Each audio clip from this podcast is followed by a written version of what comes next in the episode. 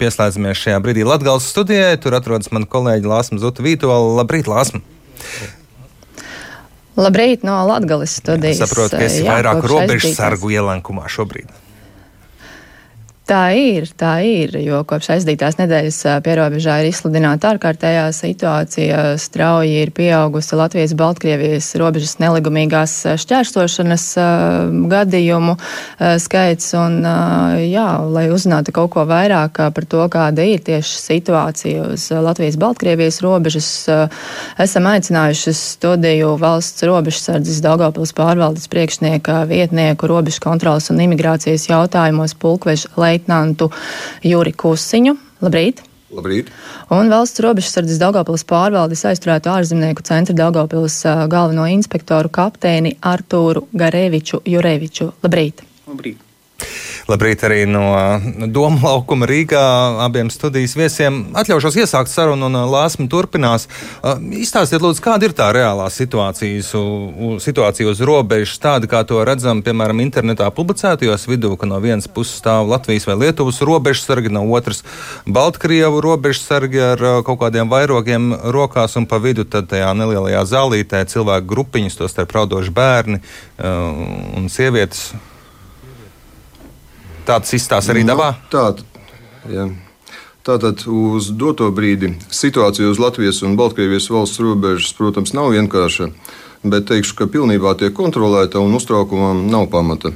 Piemēram, aizvadītās diennakts laikā valsts robežsardzes Daupus pārvaldes atbildības teritorijā uz Baltkrievijas Latvijas valsts robežas tika apturēta un atgriezta uz Baltkrievi tikai viena persona, kura nelikumīgi vēlējās nokļūt Latvijā.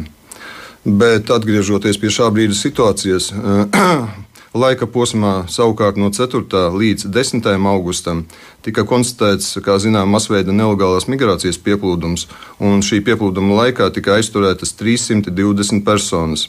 Savukārt rekords negatīvā ziņā tika sasniegts 9. augustā, un šajā diennaktī par nelikumīgu Latvijas-Baltkrievijas zaļās robežas ķersošanu vienas diennakts laikā tika aizturētas 136 personas.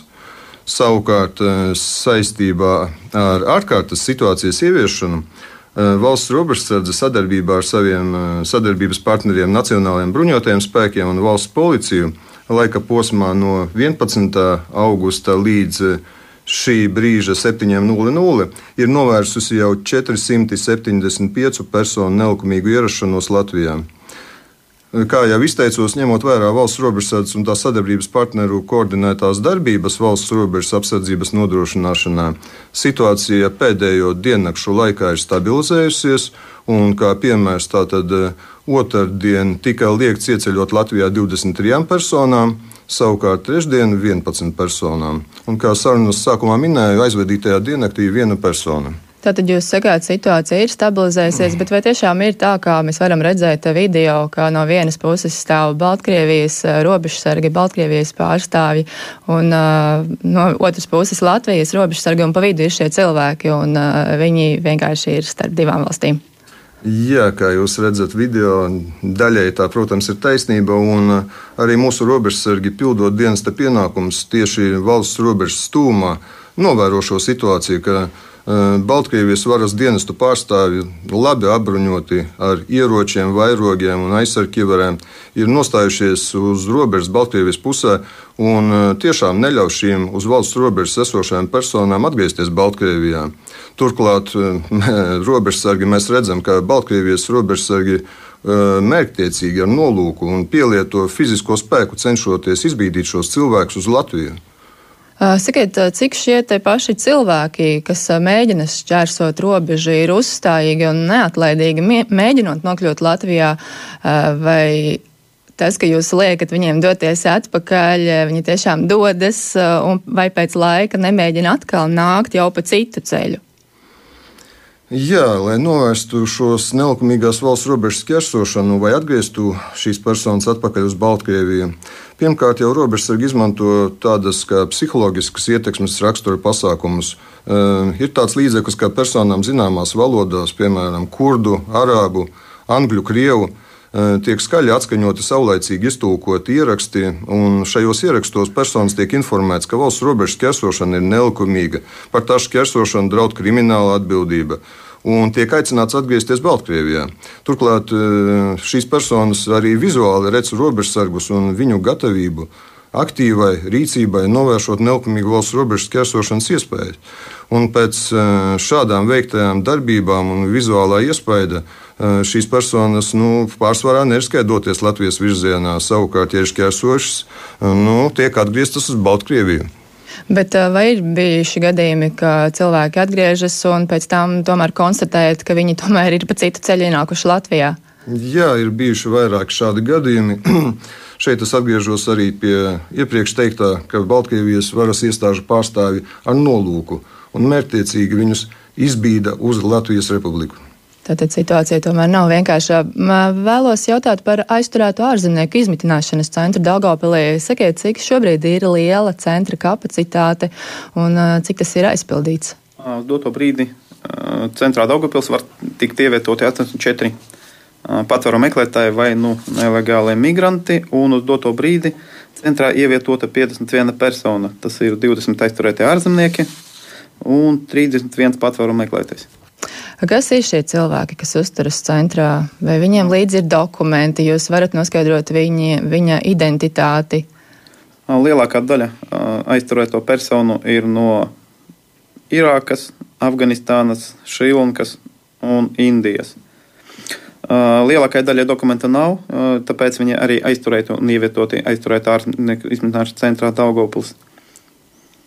Cik viņi ir veci, vai intervējot viņus, nu, šī, šīs te intervijas notiek viegli, viņi ir atsaucīgi komunikācijai, stāsta, kāds ir viņu mērķis, kādēļ viņi ir nākuši. Lielākā daļa ievietoto personu centrā Daugopils ir no 20 līdz 30 gadu veci. Protams, ir vairākas ģimenes ar nepilngadīgiem bērniem no viena gada līdz, līdz desmit gadiem. Veicot teiksim, tā procesuālās darbības ar viņiem, personas, jā, viņas ir pretim nākošas, jo personas vēlas atgriezties mītnes zemē, jo viņi ir pie, pie, piespiedu kārtā iespiesti Latvijā, un vienkārši viņiem netika ļauts izbraukt projām no Baltkrievijas. Un kā viņi ir nokļuvuši uz Baltkrieviju? Kāds ir bijis viņa mērķis? Uh, nu, teiksim, vien, vien, vien, viens uh, no pēdējiem stāstiem bija tā, ka persona uh, kopā ar ģimeni, tas ir triju cilvēku sastāvā, uh, vīrs, sieva un uh, trīs gadus vecs bērns, ielidoja Baltkrievijā ar mērķi turisms ar vīzu uz vienu nedēļu. Uh, tas ir viņi to iztaigāja to nedēļu un burtiski pāris dienu uh, pirms uh, tam, kad viņam bija jāgriežas, jāatgriežas mītnes zemē, nepazīstami cilvēki atnāca, sadzina mikroautobusu, aizveda līdz Latvijai, Latvijas robežai un lika iet pāri. Līdz ar to personām, personas vienkārši grib atgriezties mītnes zemē. Teiksim tā, ja personai ir līdzi personu ceļošanas dokuments, tad tas ir vieglāk izdarāms. Mēs varam lūgt atbalstu no Startautiskās migrācijas organizācijas, kura palīdz bēgļiem atgriezties atpakaļ, vēl piešķir viņam nu, kādu naudas summu, nu, lai, lai viņi varētu uzturēties pēc tam, kad viņi atgriežas. Bet gadījumā, ja personu dokuments nav līdzi, tad ir jāgriežas, protams, vēstniecībā, un tad mēs gaidīsim atgriešanās dokumentu. Tikai tad varēsim formēt teiksim, personu uz izbraukšanu no Latvijas Republikas. Jā, šobrīd jautājums ir Jānim. Jā, es gribēju mazliet precizēt, pēc sarunām ar šiem cilvēkiem, jūs saprotat, ka viņu mērķis primāri nav nokļūt Eiropas Savienībā, bet patiesībā atgriezties atpakaļ savās mājās, savā mītnes zemē. Nu, reāli, reāli katrs gadījums ir jāvērtē individuāli. Ja, ja mēs runājam par šo gadījumu, kur es izstāstīju ēterā, tad jā, viņi vienkārši vēlas atgriezties mājās, jo viņi atbrauca nepazīstamajā valstī, viņam ne, tiek liekts atgriezties atpakaļ, un viņi izmantoja to iespēju, kāda viņiem ir. Un tagad viņi, jā, tagad viņi uzrakstījuši iesniegumu uz brīvprātīgu atgriešanos, līdz ar to personas vienkārši gaida, kad mēs varēsim nokārtot formalitātes un aizsūtīt viņus uz mājām. Cik tādi cilvēki ir reāli atgriezušies savā mītnes zemē? Nu, ņemot vērā, ka tā situācija sākās, ja nemaldos, no uh, 7. augusta, teiksim, tā eskala, esk, eskalācija vairāk tās situācijas, tad uz doto brīdi pagaidām uh, neviena persona nav atgriezta, bet uh, mūsu kolēģi no Rīgas, no atgriešanas patvēru meklētāju dienas, strādā šī, ar, šo jautājumu, un tad tuvākajā laikā personas tiks atgrieztas. Bet tomēr ir arī tādi, kas lūdz patvērumu Latvijā. Uh, protams, uh, kā jau teicu, iepriekš uz to brīdi ir 31 patvērumu meklētājs, kurš izmitināts slēgtajā centrā. Un šie, šiem cilvēkiem patvērumu procedūra iet parastajā kārtībā, nekas nav mainījies. Robežsardas amatpersonas veica pirmotnējās darbības, nosūtīja informāciju pilsonas migrācijas lietu pārvaldei, kura pieņems lēmumu piešķirt vai nepiešķirt bēgļu statusu. Vai viegli ir šī komunikācija, proti, valodas ziņas, valodas dēļ? Nu, reāli, protams, tas ir smagi, jo lielākā daļa no viņiem teiksim, nesaprot uh, to pašu angļu valodu. Mēs izmantojam eh, tulkošanas biroja pakalpojumus. Saskaņā ar to līgumu ir, ja nemaldos, ir pieejamas 51 valoda, kuru, kuru varam iztulkot. Arī, bet arī izmantojam tulka pakalpojumu. Bet jau arī mēs nevaram zvanīt kuru katru brīdi tulkam. Līdz ar to mēs mēģinām iziet no situācijas teiksim, ar to, ka visi iekšējie dokumenti centrā ir iztulkoti nu, daudz maz tajās valodās, kura, kuras uztver centrā. Un vienkārši parādot uh, viņam te, teiksim, iekšējās kārtības noteikumu, dienas sadali un tā tālāk. Un viņi var to izlasīt, un, un, un daudz maz mēs varam ar viņiem komunicēt. Šobrīd būtisks ir arī Covid-19 jautājums. Sakiet, cik šobrīd daudz gadījumos ir konstatēta saslimšana? Ir ziņas par to, ka šie cilvēki ir ievietoti slimnīcās, vai tas ir sastībā ar Covid-19 vai tomēr ne? Uh, nu, vismaz runāt par tiem, kuri uzturas Daugopilī, slimnīcās ievietota tikai personas, kuram bija nu, teiksim, tā, mehāniskas traumas, teiksim, tas ir uh, salauzta kāja un tā tālāk. Uh, uz doto brīdi uztur, centrā uzturas viena persona, kurai ir konstatēta, uh, konstatēts Covid-19, bet uh, ievērojot epidemioloģisko situāciju, uh, protams, mēs izmantojam uh, maskas, cimdus, dezinfekcijas līdzekļus. Personas tika ievietotas karantīnas telpās, un uz doto brīdi viņas ir dzīvo atsevišķi no visiem pārējiem iemītniekiem. Sakiet, vai šobrīd jūtaties droši, ka jums nu, pietiek šīs kapacitātes centrā, vai tomēr šī situācija ir tik neprognozējama, ka nu, tas ir tāds jautājums? Uz doto brīdi kapacitāte, es domāju, ka ir pietiekama, bet mēs jau pie, esam piedzīvojuši 7, 8.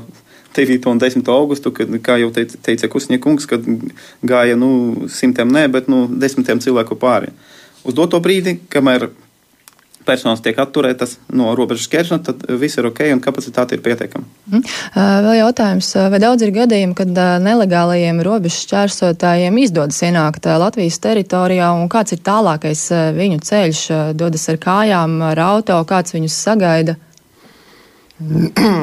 Jā, ir bijuši, protams, šādi gadījumi. E, kā jūs arī izteicāties, ir bijuši šādi gadījumi, kad gan kājām personas e, cenšas ieceļot e, Latvijas iekšienē, gan arī ir sagaidījuši ar transporta līdzekļiem pat no citām valstīm. Nu, šajos gadījumos valsts robežsardzes amatpersonas personas, personas vienkārši atgriežas atpakaļ Baltkrievijas republikā. Jā, šeit liekam punktu. Paldies, kungi, par sarunu. Atgriežamies Rīgā. Paldies! Jā. Paldies. Lāsma Zutvīta no Atgales studijas dzirdējāt, un viņas viesi valsts robežsardzes Daugopils pārvaldes priekšnieku vietnieks pulkveža leitnants Juris Kusiņš un valsts robežsardzes Daugopils pārvaldes Daugopils aizturēto ārzemnieku centra. Daugopils galvenais inspektors kapteinis Artūrs Grevičs Jurevičs sarunājās ar Latvijas radio, un jums klausītājs stāstīja par situāciju pierobežā